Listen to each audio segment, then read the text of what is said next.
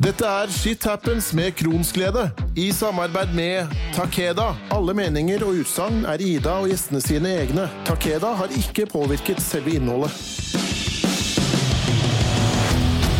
Hei, og velkommen til et litt annerledes Shit Happens med Kronsglede.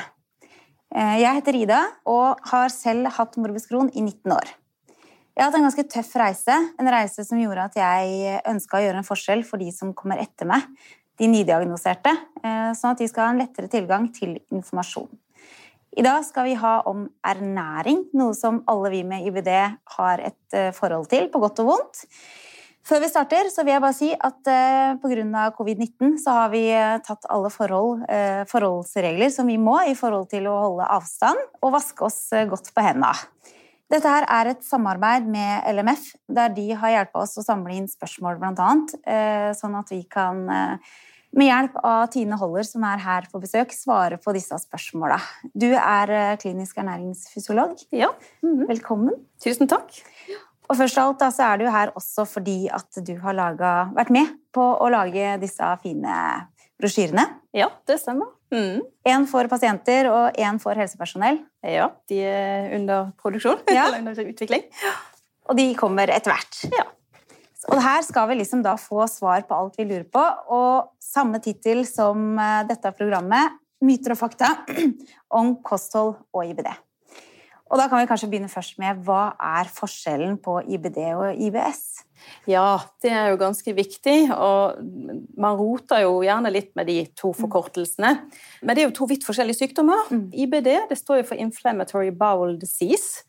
Det er jo en autoimmunsykdom eh, der man vet at betennelsesaktivitet blant annet eh, forekommer der. Mm. Og da er det jo først og fremst kronsykdom, Crohns sykdom, ulcerøs kolitt, som er de vanligste sykdommene. Og eh, det forekommer vel eh, knapt eh, hos 1% av den norske befolkning, da. Mm. Ja.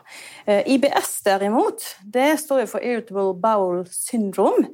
Eller det som man gjerne òg på norsk kaller irritabel tarm, eller i tidligere år kalte for nervøs mave. Mm. Det er jo en mindre alvorlig sykdom, men kan like godt, likevel være veldig plagsom for Ja, pasientene som rammer det. Ja. Og det er jo sånn at Der er det jo andre ting som foregår, ikke en betennelse, men det er gjerne problemer med at enkelte næringsstoffer blir ufullstendig nedbrutt, og det skapes gjæring, og så får man mye mage-tarmplager. Ja. Og da er det jo også dette her med mat. da. Kan mat gjøre IBD verre? Og er det da noen spesielle tilleggsstoffer som man generelt bør unngå? Jeg tenker Når du stiller det spørsmålet, så er det jo sånn at eh, man, da må man tenke på om, om det gjør sykdommen verre, eller om det gjør symptomene verre. Hvis man tenker først og fremst på sykdommen, så er det vel foreløpig ingen matvarer som man har klart å bevise at forverrer sykdommen. Man tror kanskje at omega-3-fettsyrer kan ha noen effekt eh, på betennelse, altså redusere betennelse. Derimot, hvis man tenker på symptomer, de plagene man får da, mm.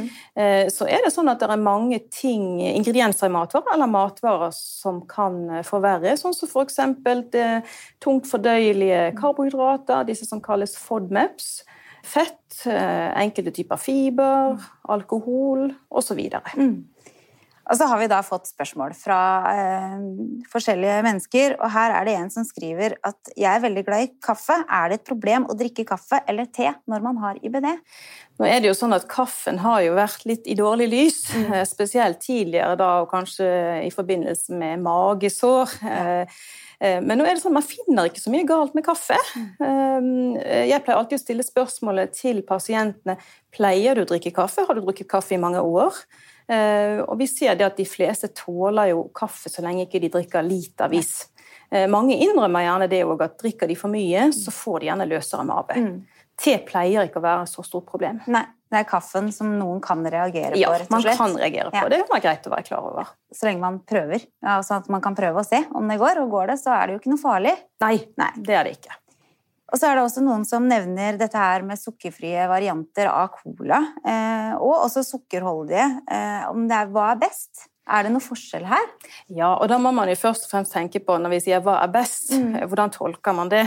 For det at hva er sunt for kroppen? Vi vet jo det at vi skal ikke ha i oss for mye sukker. Sukker det er eh, kaloririkt, men det inneholder ikke så mange andre næringsstoffer. Eh, nå er det sånn at eh, En del pasienter med tarmplager vil kanskje også reagere på disse kunstige søtstoffene. Aspartam, acesulfam K, sukralose etc. Mm. Så vi ser jo derfor at vanlig sukker, altså hvitt sukker som de fleste har hjemme i skapet sitt, det tolereres ganske greit. Ja. I små mengder. Mm. Det er jo ikke snakk om at man skal spise mye sukker. Nei. Men for noen så blir det gjerne sånn at de tåler bedre å drikke vanlig brus mm. og vanlig søtet saft eh, men at de heller må redusere på inntaket istedenfor mm. å drikke store mengder med, med Pepsi Max, f.eks. Ja. Mm. Og så er det dette her, eh, Veldig mange er opptatt av å være sunne. Og dette med økologiske varer Er det bedre å spise økologiske matvarer enn eh, de vanlige vi får kjøpt på i butikken? da? Oh, ja, Det er jo et stort mm. spørsmål, så jeg tror mange har òg personlige ja. oppfatninger om. Mm. Jeg tror i hvert fall i forhold til den forskningen som finnes i dag, så ser det ikke ut som at økologisk mat har noen fordeler sånn kroppslig sett i, i, fordøyelsen. Mm. Men man vet jo at det er andre fordeler med økologisk mat, f.eks. Mm. For dette i forhold til dyrehold og andre ja. ting. Mm. Ja. Er det noen matvarer som man absolutt ikke bør innta om man har IBD? Jeg vil jo egentlig svare nei på det. For det, for det første så er det jo sånn at pasienter med IBD er veldig forskjellige. Eh, og jeg synes at Man må for all del ikke legge for mange restriksjoner så i dag så er det vel ikke sånn at vi kan si at det er noe man aldri skal ta, altså innta mm. eller spise. Nei. Er det da noen dietter som er bedre enn andre da, for oss med IBD? Det er det helt sikkert. Og da blir det jo litt sånn igjen at siden denne pasientgruppen er så forskjellig, så vil nok mange respondere ulikt på de ulike diettene de får mm. også. Men det som er fellesnevnende for mange av de diettene som brukes, det er jo gjerne det at man fjerner en del av karbohydratene, man fjerner en del av de grove fibrene. Mm. Man fjerner kanskje en del av fettstoffene. Altså fjerner, jeg mener da at man eh, reduserer det, da. Um, og så har man fokus på andre gode næringsstoffer som proteiner og vitaminer og mineraler. da. Uh, og gjerne grønnsaker og frukt som man vet ikke lager så mye gass. Ja. Mener å ha lest et, det er en som skriver at mener å har lest en plass på FODMA, at FODMAP-dietten er den som passer IBD-pasientene best?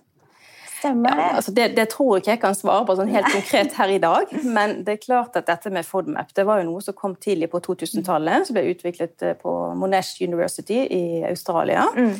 Og det er jo, altså Nå har jeg jobbet såpass lenge at vi jobbet jo på denne måten også før FODMAP-prinsippene ble lansert.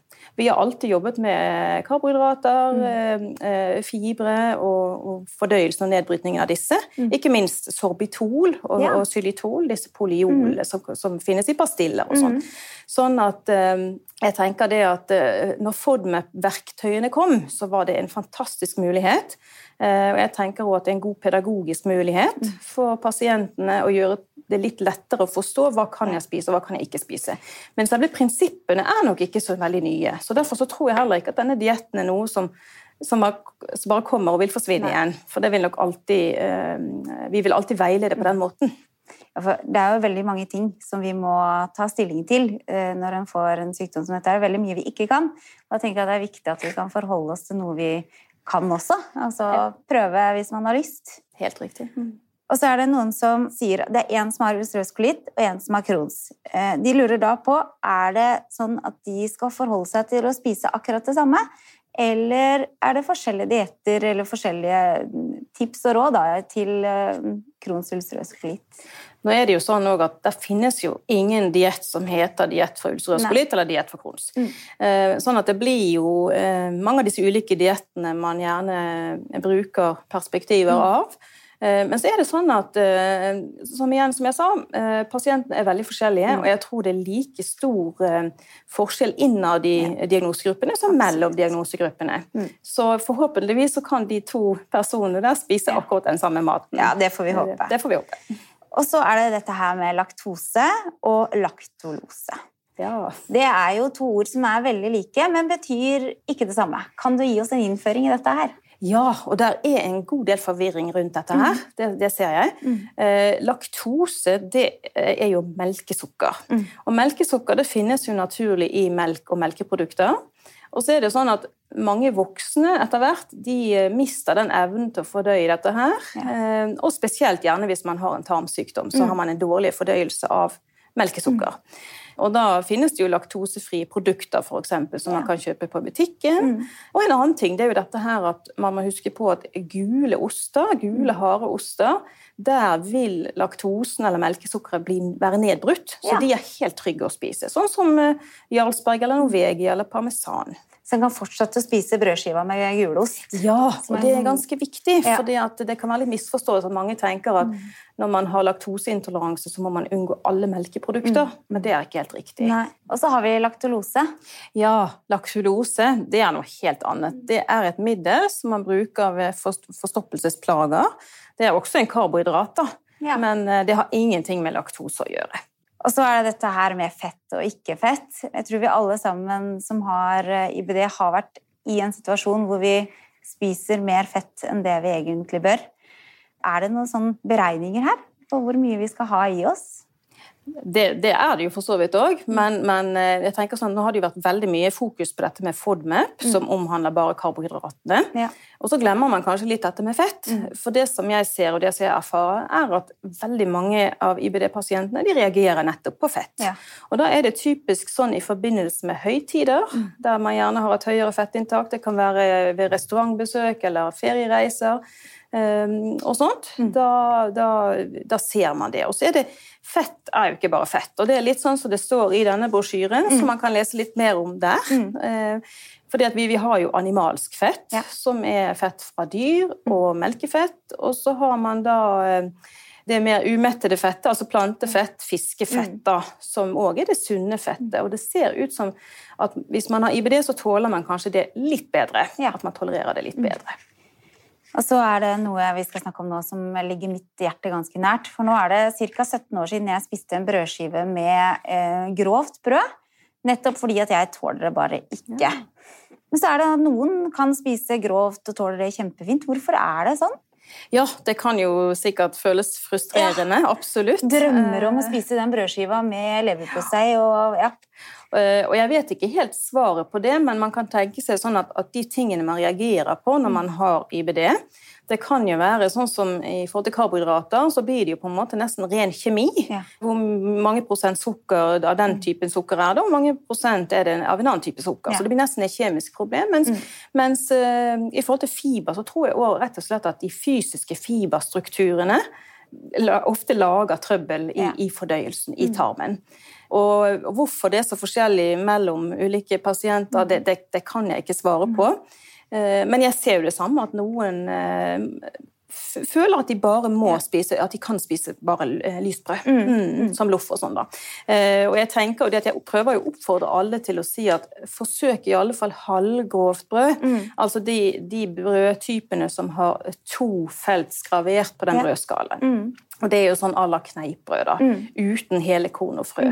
ja. Det kan man prøve seg på, så det er ikke sikkert at man må leve bare på loff. Nei. Men så, man blir jo redd, da. Det er jo det som er, Har man blitt dårlig mange ganger gjennom å spise det, så har jeg i hvert fall full forståelse for at man ikke tør. For det blir jo veldig dårlig. Og så er det en som sier at uh, han har lest at ca. 10% av de med kron er overvektige. Og det samme sier også gastrolegen til denne personen. Og da lurer hun på hvorfor. Hvorfor er, det sånn at noen er overvektige? Og det å være overvektig med IBD kan også føre til ganske mange vonde situasjoner der de ikke blir trodd av leger eller andre, fordi en forbinder IBD med å være undervektig. Da. Så hva er tankene dine rundt dette? Jeg tror jo, For det første så vet vi det at IBD forekommer i alle vektklasser. helt klart. Og jeg har òg hørt pasienter som har sagt det til meg, at de gjerne har blitt diagnostisert for sent Ja. eh, fordi at de har hatt en høyere vekt. Ja. Eh, Noen ganger så kan man jo si det sånn at det kan være en fordel å ha en litt høyere vekt, mm. noen kilo ekstra. For det er jo nettopp dette at man vet at i forverringsperiodene så er det så lett å rase for Ja. Lavt i vekt. Så, så man vet ikke helt hvorfor det er sånn, men alle kan jo rammes av denne sykdommen her. Og det, det, det er nok lurt å ha noen kilo for mye hvis man klarer det. Ja, det er ikke noe negativt, på en måte? Nei, absolutt ikke. Og så har vi da fått en del spørsmål om eh, probiotika. Eh, og det er jo et stort og vanskelig tema. Har du noe å si om den saken? Åh, det er fryktelig vanskelig. Nå blir det mer adressert i uh, brosjyrene her Ja. etter hvert, heldigvis. For det kan jeg nok ikke si så mye om Nei, det skjønner jeg. Men, men eh, det er jo sånn med probiotika at eh, man vet vel veldig lite foreløpig. Mm. Man har klart å isolere noen bakteriestammer som man kanskje er kjent med fra produkter på apotek eller Mm. på dagligvarebutikken og lignende. Og noen får veldig god effekt. De opplever god effekt av dette her. Mens andre kanskje ikke merker så veldig mye. Mm. Nei. Så vi håper jo på etter hvert at man klarer å utvikle Mm. nettopp typer eh, probiotika som kan være mer eh, Som kan gå mer konkrete Ja. på målet, da. Mm. Mm. Eh, Men dette vil det stå mer om i brosjyren. I brosjyrene. Ja. Økningen av autoimmun eh, sykdom, inkludert IBD, kobles jo ofte til dårlige altså miljøfaktorer, og det vestlige kostholdet blir også ofte nevnt der. Hva tror du det har en betydning? For er det sånn at det er flere av oss her i det vestlige som blir syke? Ja, det er jo det Mm. som forskningen har vist, at det er stor forskjell på, på befolkningen i i-land og i u-land Mm. i forhold til forekomsten av, av IBD. Mm. Så, så akkurat hva vi gjør, om det er kosten eller om det er miljø, eller hva, Ja. hva som egentlig eh, skaper det, det vet man jo ikke. Men, men jeg tenker jo med en gang på dette her at dessverre så er det sånn at eh, matproduksjonen i dag, Mm. der er mye eh, tilsetningsstoffer, E-stoffer, emulgatorer, eh, etc., som muligens har negative effekter. Mm. Ja. Så det er jo derfor vi, vi som kliniske ernæringsfysiologer oppfordrer jo pasientene til å bruke mest mulig rene råvarer, hvis man klarer det. Mm. Ja. Og så må man gjerne bruke litt ferdigprodukter innimellom, da, Mm. men prøve å begrense det. Så det er jo sånn eh, i forhold til det, det spørsmålet der at eh, man vet ikke helt, og i forhold til eh, de kostrådene man gir, Mm. så tenker man jo litt på det at hvordan vil de påvirke? Ja. Og spesielt denne bakteriefloraen, eller mikrobiota. Så vet vi det at hos IBD-pasienter så er jo den allerede forskjøvet. Den er ikke helt sånn som den skal. Nei. Og da er det jo litt viktig at de kostrådene man gir, ikke gjør dette her ytterligere Ja. forverret. Mm. Eh, Men enn så lenge så viser i alle fall forskning både på FODMAP og flere av disse andre diettene at, at så lenge man bruker den, disse diettene på riktig måte, så, eh, så vil man ikke gjøre noe skade. Så Nei. det skal være helt trygt å, å bruke mm. kostråd for IBD uten Ja, at man bra. forverrer disse tingene. Tusen takk for at du kom hit eh, til oss i dag, Tine, og ga oss svar på mange spørsmål som eh, lesere og lyttere og alle har hatt. Det er kjempefint. Bare hyggelig. Dagens program handler om noe som er stort og viktig. Sitter du nå og lurer på noe, gå inn på ibdinfo.no. Der ligger også min podkast, som eh, inneholder mange tema som kan være nyttig å få med seg. I tillegg så har vi pasientorganisasjonen vår, LMF. Der er det også lurt å ta en titt. Tusen takk for at du både hørte på og så på. Shit happens med Kronsglede i samarbeid med Takeda.